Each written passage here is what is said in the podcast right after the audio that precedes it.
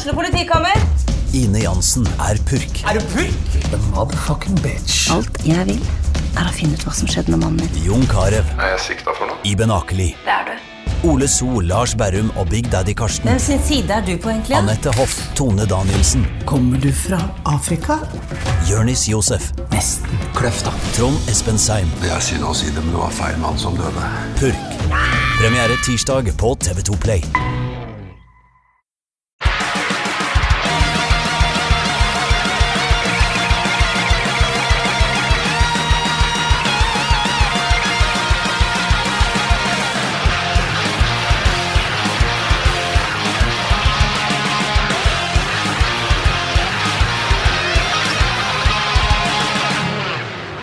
Hei, og velkommen til Debrif med Dag. Det stemmer, podkasten har faen meg fått nytt navn etter eh, innspill fra mine, min gode venn Elise. Så, eh, har vi gått bort fra Debrifen Sørås. Og som en, eh, som en eh, norsklærer kommenterte på, eh, på Instagram alliterasjon. Eh, Og etter å ha googla alliterasjon, så skjønte jeg at det betyr bokstavrim. Så, ehm, så ja, jeg lever for bokstavrim. Og uh, utenom, utenom navneskiftet, så, eller navnemoderasjon, så er det ingenting som, eh, som har forandra seg noe særlig. Jeg har hatt uh, Forrige uke var, var interessant. Um, jeg var i Trondheim forrige onsdag og gjorde ei liveinnspilling av, av Dialogisk-podkasten sammen med Gunnar Tjomli, og vi hadde vi hadde en gjest, en, eh, en amerikansk professor eh, som heter Keith Downing, og vi prata om kunstig intelligens. Det eneste Jeg har litt dårlig samvittighet for at vi ikke hadde advart publikum på forhånd om hvilket tema vi skulle ha, eh, for jeg tror kanskje det kom litt brått på mange. Men, men det var, det var en, en, en særdeles fin, fin prat. Og det her er, jo en historie som jeg fortalte den kvelden, men som jeg like gjerne kan gjenta her. Um, når jeg sjekka inn på hotellet, Scandic Bakkland, tror jeg det heter, så, uh, så fikk jeg, jeg fikk rom 410, og jeg tenkte ikke noe mer på det. Men når jeg kom opp og prøvde å låse opp 410, så funka ikke nøkkelen. Det skjer jo ofte, men heldigvis var det ei vaskedame rett i nærheten, så hun slapp meg inn. Og når jeg kom inn på rommet, så tenkte jeg bare helvete, Human-Etisk Forbund som hadde booka oss, eh, de har virkelig klinka til med et særdeles stort og fint rom. Og ikke bare det er et stort og fint rom, det er faen meg ferdigoppskjært frukt som står og venter på meg på bordet. I tillegg ser jeg en liten lappe hvor det står Hei, Bernt. Jeg skjønner jo relativt fort hva det er som foregår her, så jeg kaster selvfølgelig lappen til Bernt og spiser frukten, storkoser meg. Eh, legger meg ned på senga, og eh, heldigvis så gjorde jeg ikke noe, noe uanstendig. Jeg lå bare og, og, og så på et, eh, en TED-talk om kunstig intelligens for å forberede meg på kvelden, når døra plutselig åpnes. Og der er det Bernt som stirrer på meg, går jeg bare ut ifra. Og Bernt er jo like forskrekka over å se meg som jeg er over å se han. Og han lurer på hva jeg gjør der, og jeg lurer på hva han gjør der. Eh, og jeg viser at hei, det står 4-10 på nøkkelen min, så eh, her er noen andre som har gjort en feil. Uh, så ble det litt kleint når han sa 'vent, har ikke jeg sett deg, har jeg sett deg på TV?' Jeg ba, ja, det, det, det er mulig, sier han. Nei, men kanskje det Ei, det, du har jo dobbeltseng, kanskje bare jeg bare kan krasje her. Og så snakka vi litt frem og tilbake, og innså at Bernt er jo en sykt hyggelig fyr, så jeg har jævla dårlig samvittighet for at jeg har tatt rommet hans og spist frukten, som var uh, i høyeste grad ikke min. Så jeg, jeg følte litt dårlig samvittighet der når Bernt trødde ned i resepsjonen og forhåpentligvis kjefta på dem over at han ikke hadde at han var sendt i helt eh, totalt feil retning. Men det er sånt som skjer når du er et dårlig menneske som har lyst på, eh, på frukt. Ellers er jo eh, Trondheim alltid en hyggelig by å være i. Vi var på 3B etter showet. Der, 3B har forandra seg siden jeg bodde i Trondheim. Når jeg pleide å være på 3B, så var det en ganske rølpete plass. Jeg husker på tirsdagene hadde de jeg tror det var 100 kroner for ei flaske rødvin. Og når du er student, så er jo det, det er jo fantastisk. Det er mye alkohol for 100 spenn på en uteplass, selv om rødvin var helt grusomt jævlig. Føltes ganske harry også å stå der, fire kompiser med ei flaske rødvin hver. Vi var liksom ikke sofistikert nok til å porsjonere det ut, vi måtte ha hver sin flaske. Uh, men, uh, men, ja, det var nå sånn som det var. Jeg tok vel i rett tid. Jeg tror det var to drinker, og så var det faen meg Jeg skulle da Jeg skulle da uh, jeg hadde, jeg hadde store planer om å dra på, en sushiplass som er borte med Hva faen heter det? Borte med, med Solsiden der. og de, de, hadde sånn at du kunne bestille på internett. Jeg hadde allerede vært inne og sett på menyen og planlagt nøyaktig hva jeg skulle ha for noe. Når jeg gikk fra Trebus, så jeg klokka faen meg, den er over ti, så de har stengt. Så jeg fant en eller annen kebabplass på veien tilbake, og eh, det var helt grei mat, det. Det var en fyr der som uh, jeg trodde først han satt og venta på mat, men så viste det seg at han satt og spiste mat. Han bare holdt maten under bordet. Uh, og han var i høyeste grad overstadig berusa, og satt og mumla litt for seg sjøl.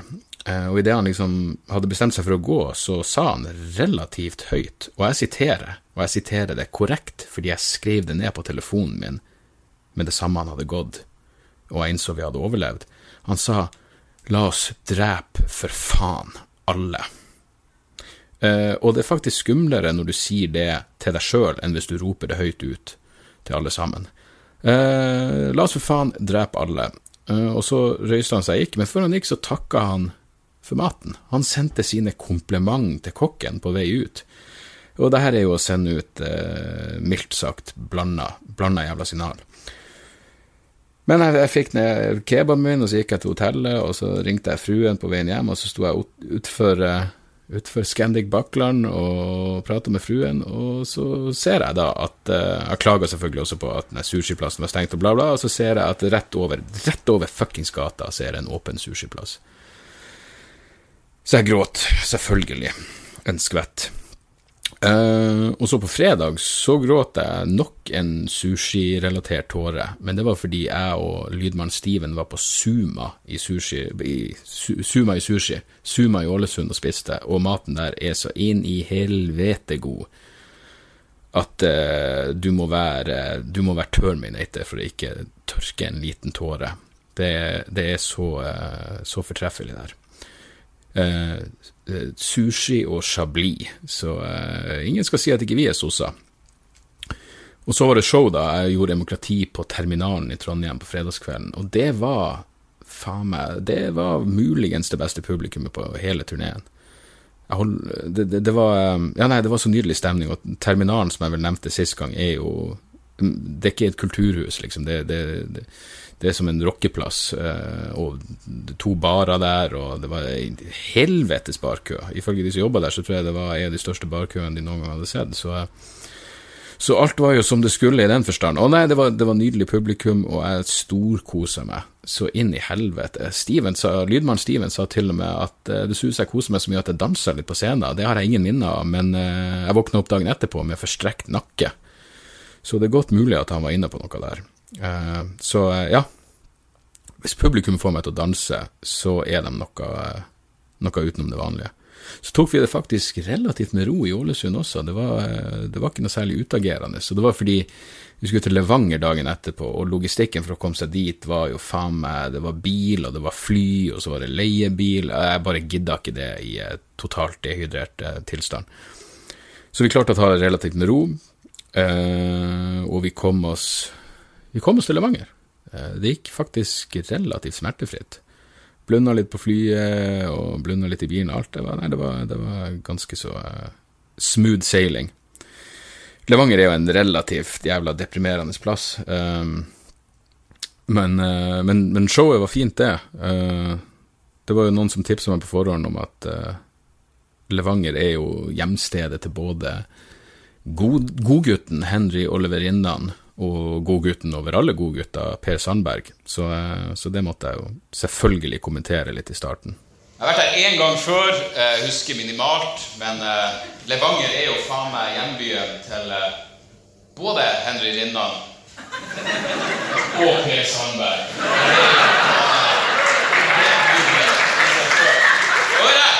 Jeg sammenligner selvfølgelig på ingen jævla måte Rinna og Sandberg. Jeg mener, Si hva du vil om Henry Linna, men han ville aldri tatt med seg jobbtelefonen til grav. Jeg er 100 sikker det. Såpass lojal til sine overordnede var han. Så det er Etter showet så dro vi, eh, så dro vi på den, den lokale puben. Det, er ikke så jævla mye å, å velge i Levanger. Og det var, eh, det var good times, det. Eh, det er jo, men Levanger er jo Det er ikke så mange plasser du ser folk råne med traktoren på natta. Uh, og, og, ære være og velsigne dem for det. Um, Nå er jo lydmann Steven en singel mann, mens jeg er i et monogamt forhold, så vi, har, vi får litt sånn forskjellige interesser utover natta. Min interesse var å, å gå og, og legge meg men Steven sin interesse var å eh, fortsette praten med de unge flikkerne som vi eh, delte bord med. Uh, men jeg gikk jo da dessverre glipp av Steven hadde seinere på natta truffet en, en, fyr fra Turkmenistan i elektrisk rullestol. De hadde visst ikke noe handikapinngang til, til puben, noe jeg trodde var bare ulovlig, så han satt liksom utfor der og drakk øl. Uh, og når Steven var på vei tilbake til hotellet etter stengetid, så hadde han sett han her turkmeneren stoppa på rødt lys. Han, han, Steven lurte på hvorfor det var kø langs veien fem klokka tre på natta, men det var jo fordi han her turkmeneren var fremst og sto og venta på, på, rødt lys. Kjørte relativt sakte, og han ble såpass sur når han så at det var rødt lys at han bare Han hadde med seg øla, selvfølgelig, så han knuste den i bakken. Men så ble han glad igjen når det ble grønt lys, og han kjørte videre selvfølgelig i altfor lav jævla hastighet til å faktisk være ute på veien. Men, eh, men nok en gang, det, det, det, er så herlig å få sånne Å oppleve litt, eh, litt lokalkultur. Så, eh, så, så, Levanger var, var trivelig, det. Jeg traff også ei dame der som hun, jeg, jeg hadde vel klaga på at hun bare satt Hun røyste seg og gikk åtte minutter inn i showet mitt. Um, og så tidlig det er jeg usikker på om det er noen som bare har feilberegna lørdagskvelden sin totalt og bare funnet ut at det her er faen ikke for meg i det hele tatt, eller om de bare skal, skal ut og pisse. Så det er alltid hyggelig når de kommer tilbake. Uh, så jeg, Hun ble liksom et som hjemgangstema, hvor jeg, og, jeg bare refererte til hun som, hun som ikke klarte å holde seg lenger enn en åtte minutter. Men faktum var at hun hadde sittet der en halvtime og drukket før jeg kom på scenen. Så det ble 28 minutter, noe hun gjentok uh, nærmest til det kjedsommelige. Eh, men, eh, men, ja. Levanger var, var, fint, det. Og det var vel egentlig helga. Vi, kom oss eh, relativt trygt hjem ganske så jævla tidlig på, på søndag også. Så, så, alt vel. Nok ei demokratihelg gikk sånn som den skulle. Og takk igjen til, til, alle som møtte opp. Neste, uke, neste helg så er det Skal vi se, fredag så er det to show i Harstad. Eh, det første showet er utsolgt, men det er fortsatt noen billetter igjen til det andre showet, som vil begynne klokka halv ti på fredag. Og på lørdag så er det en uh, liten kjøretur, og så er vi i Stokmarknes, hvor jeg er på Hurtigrutens hus. Um, jeg har vært der mange ganger før, jeg vet da faen hva det som skjer med billettsalget der denne gangen, men, uh, men, men spre ordet hvis dere befinner dere i nærheten og uh, og eh, ja, bare informere folk om at jeg faktisk kommer. Jeg, jeg, lurer på om Jeg gjorde et show i Sortland, som vel ikke er så langt unna. Jeg tror det er Sortland. Ja, og i Sortland så var det jo Så var det jo faen meg Jeg har aldri sett så mye billetter der. Det var, det var, det var fullt hus på, på, Kulturhuset der. Nå er jo det bare en 20 minutter unna Stokmarknes. Jeg vet ikke om uh, det var noen folk fra Stokmarknes på det showet, men, uh, men uansett. Det, jeg kommer dit på, eh, på, lørdag, og da blir det jo show først, og så blir det ut på eh, Rødpuben etterpå. Så, eh, så det, det, burde bli stas. Ellers har jeg jo med, med fascinasjon fulgt etterspillene etter at Elon Musk var på Joe Rogan sin podkast. Jeg hørte på hele det jævla intervjuet, og det var, det var ganske fascinerende. Jeg mener, Elon Musk er jo Der, der snakker vi Enten er han lettere autistiske, så er han bare eksepsjonelt komfortabel med flau stillhet, for særlig i starten av den samtalen, fy faen. Det virka som han, han, tenkte seg om veldig mye før han svarte på ting. Men så, helt mot slutten, jeg tror, tror bare det er et kvarter igjen, da har de sittet og drukket whisky og prata, det var en, selvfølgelig en interessant samtale, men uh, da fyrer Rogan opp en joint, og Elon Musk spør hva er det, og, og, og Rogan sier det er tobakk og tobakk og cannabis. Uh, og, og Musk sier ja, det er vel lovlig, er ikke det? Men det, det gøye er at før Rogan gir han jointen, så sier han men nå blir vel aksjene dine å falle. Og så tar uh, Elon Musk et track, et, et, et track. Elon Musk tar seg en liten hit av jointen, og så, uh, så falt aksjene så til de grader.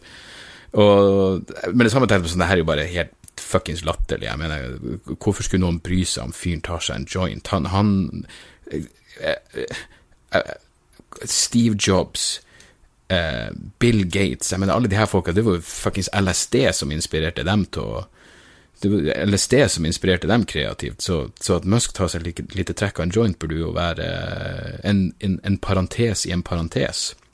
Men så så jeg etterpå at Musk via det der SpaceX har noe kontrakter med det amerikanske militæret, og de har visstnok en eller annen, selvfølgelig, en eller annen jævla policy, policy om at folk ikke kan uh, ha inntatt uh, ulovlige stoffer, og cannabis er jo fortsatt ulovlig på det føderale nivået, så det kan jo potensielt få noe, noe etterspill, noe som bare understreker for en latterlig jævla verden vi lever i. Jeg mener, Elon Musk skal ikke få lov til å røyke cannabis fordi han har kontrakt med det amerikanske militæret, men de har ingen problemer med å gi speed til amerikanske jagerflysoldater som skal holde seg våken mens de bomber små barn. Nei da, det er null stress. Og, og, og hva er lærdommen den liksom skal sende ut til barn her? Hei, hei, gutter og jenter, ikke røyk cannabis, for da kan du også bli et jævla en multimilliardær og et uh, entreprenørisk geni, og det, det vil vi ikke ha noe mer av hele, den, hele, hele etterspillet etter, eh,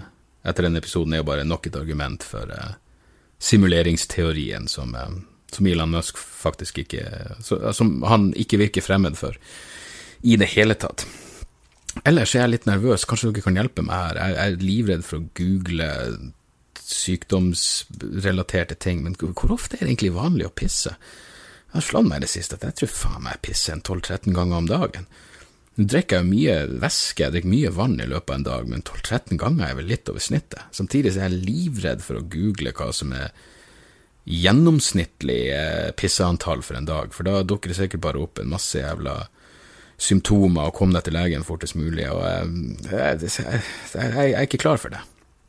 Så hvis noen der ute også pisser 12-13 ganger om dagen, og er frisk, eh, dropp meg i linje. Det hadde, vært, eh, det hadde vært hyggelig. Og jeg har fått noe jeg har fått noen fine mailer i det siste. Jeg har faktisk fått noen spørsmål òg som uh, Skal vi se her. For det første, Svein Pedersen spør Halla, Dag. Senere et spørsmål jeg tenkte du kunne besvare på podkasten.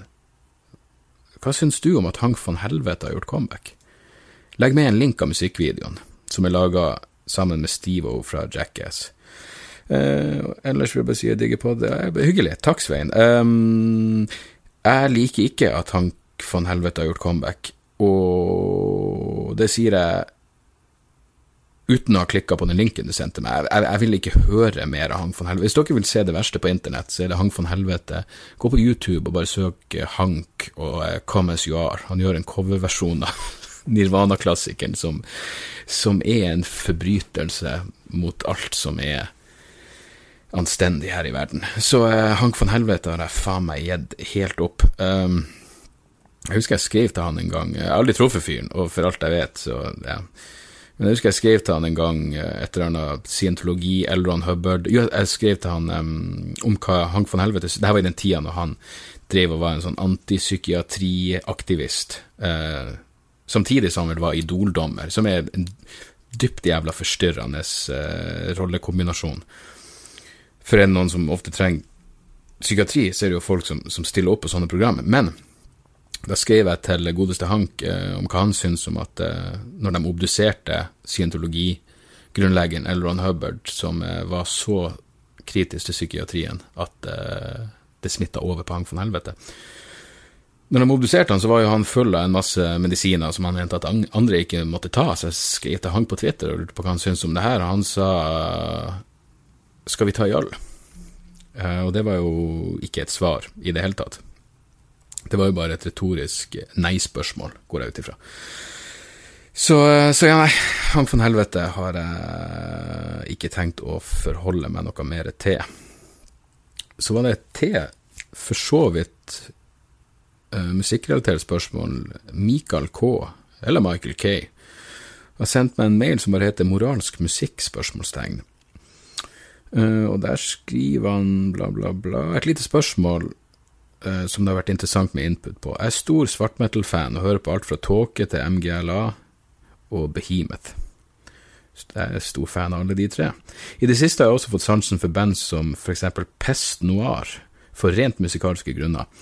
Tingen er at de spyr ut en del forkastelige politiske meninger i tekstene, som jeg helt fint klarer å ignorere, men jeg føler fortsatt at å nyte kunsten uten å være enig med kunstneren, er ikke like akseptert offentlig når det kjem til musikk, som det er på andre områder.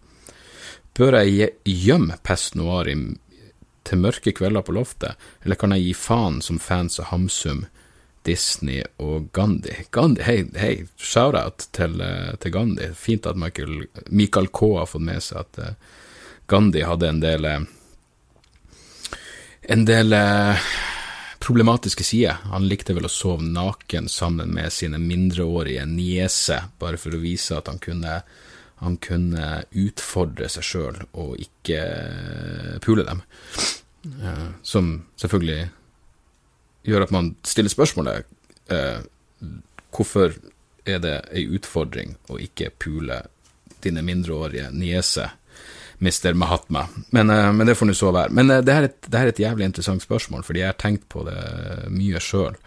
Jeg husker jeg tenkte på det i forbindelse med, med Børsum Varg Vikernes. Eh, da tenkte jeg at jeg er så glad jeg aldri kom inn i Bursum og aldri hørte noe på Bursum, fordi det ville vært vanskelig for meg å høre på den musikken når, når jeg vet at det er laga av en fuckings sosiopatisk nazist.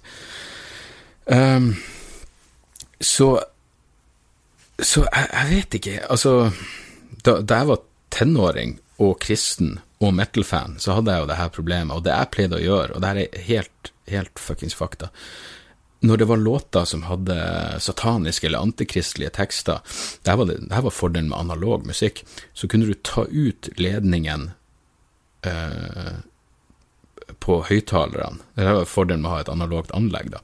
Hvis du tok ledningen på høyttalerne litt ut, så, så gjorde det et eller annet hvor du nesten ikke hørte vokalen, du hørte bare musikken. Så jeg gjorde det på de låtene som hadde tekster som jeg ikke moralsk kunne stå inne for. Så dro jeg ut eh, lydinngangen på, på høyttaleren.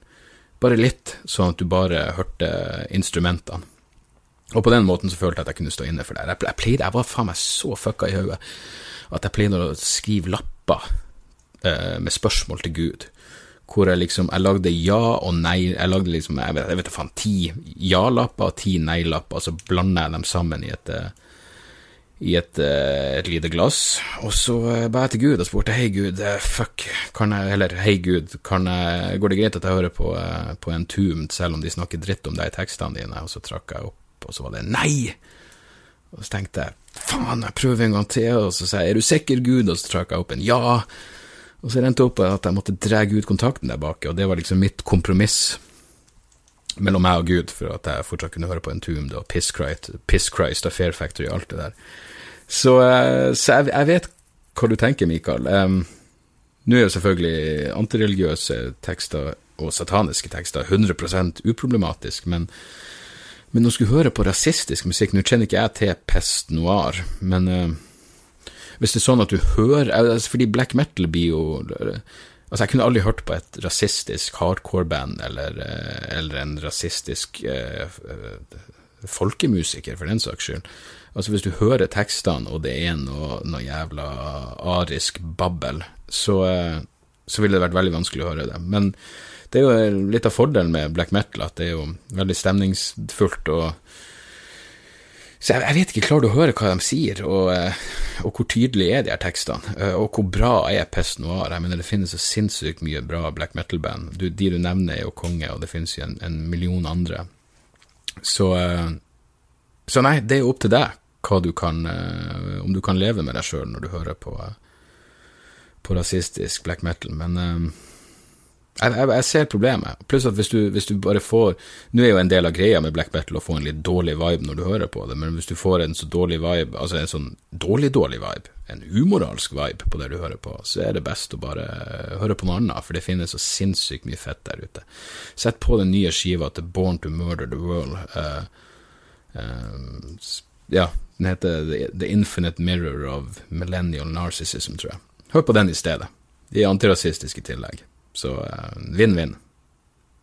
Uh, Ellers så har vi en mail her fra Eirik Hovde By, som sier eh, Hei, Dag. Takk for hyppige og gode podkaster. Takk for at du hører på. Jeg lurte på én ting. Hvem er Norges fremste komikers komiker? Altså en som nyter stor respekt fra sine kollegaer og har påvirka dem, men som ikke har slått gjennom kommersielt i den grad hen, he-he, hen fortjener. Første som detter inn i hodet mitt, er jo uh, Jan Tore Christoffersen. Uh, det, uh, i, i, hvert fall i form, i form, av at han nyter stor respekt for sine kollegaer. Jeg vet ikke om han har påvirka dem, for da hadde de vært døde av leversvikt for lenge siden. Men, men, Jan Tore er vel kanskje den morsomste jævelen i landet, og hvis han bare får fuckings fingeren ut og skriver mer materiale, så kommer han til å bli en av de virkelig, virkelig store så um, ja, jeg tror jeg går for Jan Tore Kristoffersen der. Uh, du, du, finner han rundt omkring i landet, og rett som det så har jeg han med også når jeg gjør, når gjør prøveturneer. Så Jan Tore er gull. Shout-out til han. Den siste Det var en mail ja, Nei, den tror, jeg, den tror jeg vi må ta i dialogisk. men Erlend Erlend Joakimsen eh, skriver til meg at han Han elska den historien eh, som jeg hadde om begravelsen til bestefaren min. Og han skriver at uh, faren min gikk bort i april, og det var faen meg funny at noen kan gjøre dystre omstendigheter til noe, til noe komisk. Um, akkurat den der type tilbakemeldinger er noe av det som betyr noe av det som betyr um, mest for meg. Jeg mener, det, jeg setter så jævlig pris på at det kan gjøre om så uh, en, en, jævla promille, promille i å hjelpe noen som, uh, som går igjennom noe, noe tøft faenskap. Uh, det er akkurat det der med å med å, å, å, å, flire i trynet til døden er faen meg det, Jeg må skrive noe mer materiale om det, for det er et eller annet Det er noe der. Det er virkelig det. Og eh, jeg skjønner at den type humor ikke er for alle, men det, jeg tror bare det gjør at den har enda mer verdi for de som faktisk, eh, som faktisk deler den, den, typen humor. Så eh, ja, takk for det, mann. Det setter jeg pris på å høre. Ellers er det mulig at det kommer til å komme noen, noen Det er en del av dere som har sendt meg mail om jeg ikke kan gjøre podkasten flere ganger i uka, men men, men per nå så, så, så, holder det her. Jeg mener, jeg gjør dialogisk, og jeg, og jeg er på turné, og eh, Ja, nei, så det, det føles som om en, en, dag i uka, per nå i hvert fall, er eh, i hvert fall akkurat passelig for min del. Det, det, er mulig det blir å komme et par bonusepisoder. Erlend Osnes og jeg skal ta en prat i morgen. Uh, I utgangspunktet til hans podkast tror jeg ment at vi burde legge den ut begge to. Han og Kevin Kildahl driver og gjør sånne uh, Hva de kaller det, crosspods, eller hva faen det er, at de, at de begge legger ut den samme podkasten. Så, så, jeg blir sikkert å legge ut en uh, den praten med Erlend, så blir jeg Jeg skal til, uh, til Bodø på torsdag og gjøre en greie, og da er det mulig jeg slår en prat med Kevin. Så det, det er mulig det blir noen sånne bonusepisoder. Men, men i det store og det hele så tror jeg at jeg kommer til å holde det her til en ukentlig greie. Og også en relativt kort greie. Jeg syns en, eh, en, halvtime er, er akkurat passelig, og det er så lenge jeg klarer å sitte og høre på min egen jævla stemme. Når det ikke er noen, noen, noen andre til stede. Så eh, ja, da får vi gå til eh, Jeg tror vi må gå til tips, da. Men faen, før jeg gjør det, skal jeg lese opp de, de jævla turnédatoene mine. Jeg har jo uh, har en del greier jeg, Når jeg var i, i, Tromsø, så var det en fyr som, som sa til meg etter showet at uh, eneste grunn til at han møtte opp, var pga. podkasten min, for det var der han fant ut om det. Og jeg mener, er en nydelig mann. Uh, som sagt, fredag er jeg i Harstad, to show. lørdag er jeg i Stokmarknes. Så 21. september, Rådhusteatret i Ski. 28. to show på den lille scenen på festiviteten i Haugesund. Og som jeg har sagt tidligere, det var høydepunktet på den forrige turneen jeg var på, eh, Ekkokammer. Så um, jeg gleder meg nå inn i helvete til Haugesund. Uh, og så er det oktober. 5. oktober, Lille Ole Bull Bergen. 6. oktober, to show på Lille Ole Bull i Bergen. Og det er fortsatt billetter igjen til showet klokka 18.30, er det vel. Så kommer jeg til Stavanger 12. oktober, Gjøvik 19. oktober. Fredrikstad 20. oktober, Drammen 26. oktober, Sarpsborg 27. Skien 2. november, og så to jævla show på Rockefeller i Oslo 3. november. Uh, der er det, det, første showet utsolgt, men det andre showet har fortsatt billetter igjen. Så uh, ja, det, det, der har dere mine demokratirelaterte planer for, uh, for resten av året. Så noen tips.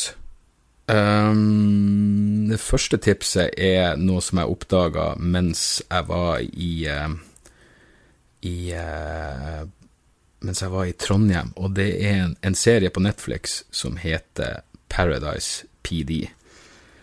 Og den er bare Ja, det, det uh, Jeg mener det er de samme folkene som lagde Brickleberry som var en, en helt nydelig sånn animert en, en tegneserie eh, som vel gikk fra rundt 2012. og Det var to-tre sesonger. Sykt morsom serie. Daniel Tosh var vel eh, involvert der på et eller annet vis, men nå har de laga en ny serie som heter Paradise PD, som er faen meg like morsom, altså. Det handler bare om et eh, høyst dysfunksjonelt eh, politi politikammer uh, med en narkohund som er narkoavhengig, og uh, det er bare så uh, Det er bare se det faenskapet. Jeg mener, en, akkurat med sånn der humor, enten, enten, elsker du det, eller så gir det deg ingenting, men det gir meg så jævlig mye. Så, så Paradise PD kan anbefales på det aller, aller heiteste.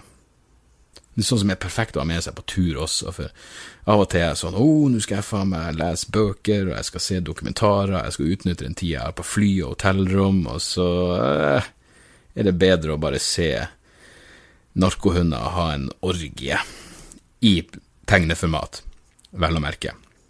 Paradise PD, sjekk det ut.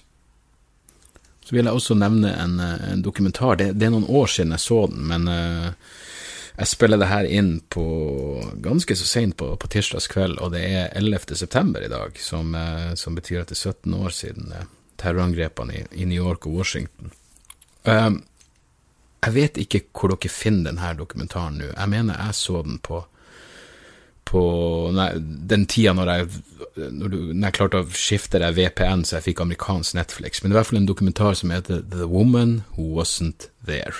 Og det er dypt fascinerende dokumentar om ei dame som bare faker at hun var i et av tvillingtårnene 11.9. Hun var ikke engang i New York da, men hun, hun, hun uh, begynner bare med å lyge, og så blir hun involvert i, uh, i en sånn uh, si, en sånn kan man kalle støttegruppe for folk som overlevde terrorangrepene, og hun, hun finner på en historie om en brannmann som hjalp henne å møte familien til denne brannmannen og fortelle løgnene til det, Jeg vet ikke, det, det, det er en, en, psykologisk studie som, som, bare gir deg flere spørsmål enn en svar, men eh, bare av datoen på kalenderen så, så kom jeg til å tenke på den. Jævlig fascinerende dokumentar. The Woman Who Wasn't There. Og siste tips, jeg begynte nå eh, i helga på den siste boka til Yuval Noah Harari. Jeg har den liggende her. Den heter 21 Lessons for the 21st Century. Og um, jeg likte jævlig godt de, de to uh, første bøkene hans, uh, Sapiens og, og Homo Deus. Og den her fortsetter jo med mye av uh, den samme tematikken, men den er skrevet Det er litt sånn det, det, Denne her boka er i essayform, og den er, det, det er kortere kapittel. Men det som virker å være overhengende tematikken, er liksom at øh, øh, Menneskeheten har mista, altså i hvert fall her i Vesten, så har vi liksom mista trua på den, den politiske historia øh, som har som har forent oss i det siste, så bare er trua på, på liberale demokrati. ikke sant? Men kommunismen er mer eller mindre nedkjempa, nazismen er nedkjempa. Men nå er liksom det liberale demokratiet under, under press, og folk har, eller mange folk ser ut til å ha mista trua på hele den overhengende ideen og de verdiene det her politiske systemet representerer, og så mener han at det her skjer akkurat samtidig som, som, som, eh, som informasjonsteknologi og bioteknologi eh, ikke bare eh, gjør at vi må eh, se med nye øyne på hva det vil si å være menneske, men, men også revurdere hva, hva, kommer til å være menneskets plass i eh, fremtidige samfunn, fordi som han skriver, der det tidligere har vært, har vært liksom, klasseopprør og, og, opprør mot undertrykkelse. Nå kan vi risikere at en stor andel mennesker bare blir irrelevant.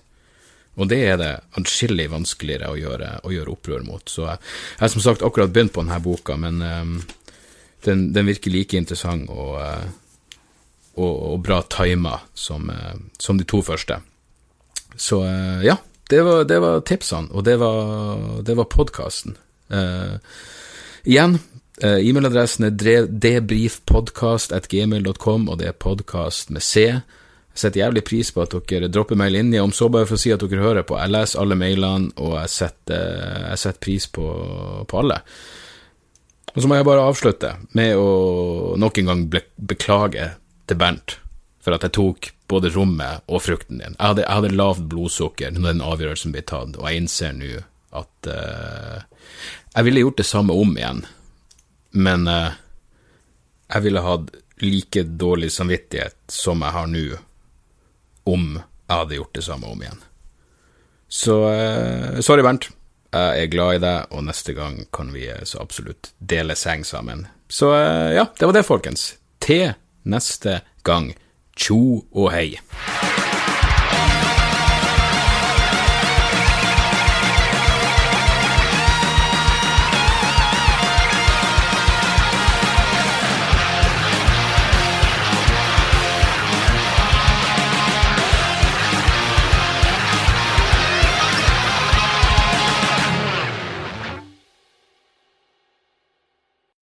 Er det reklametid, og ukens annonsør er fiken.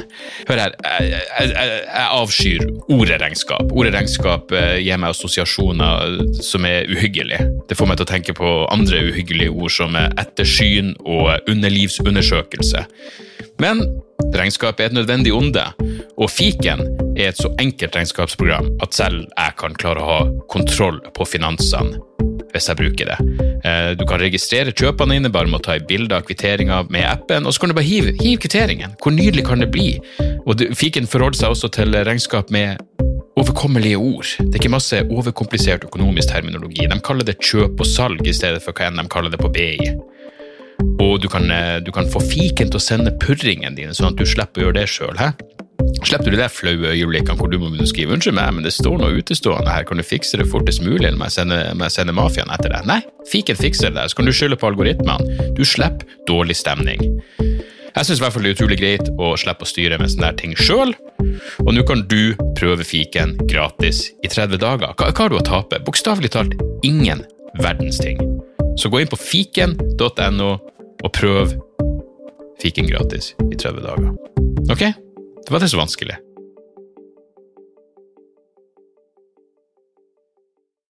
Har du et enkeltpersonforetak eller en liten bedrift? Da er du sikkert lei av å høre meg snakke om hvor enkelt det er med kvitteringer og bilag i fiken, så vi eh, gir oss her, vi. Fordi vi liker enkelt. Fiken superenkelt regnskap.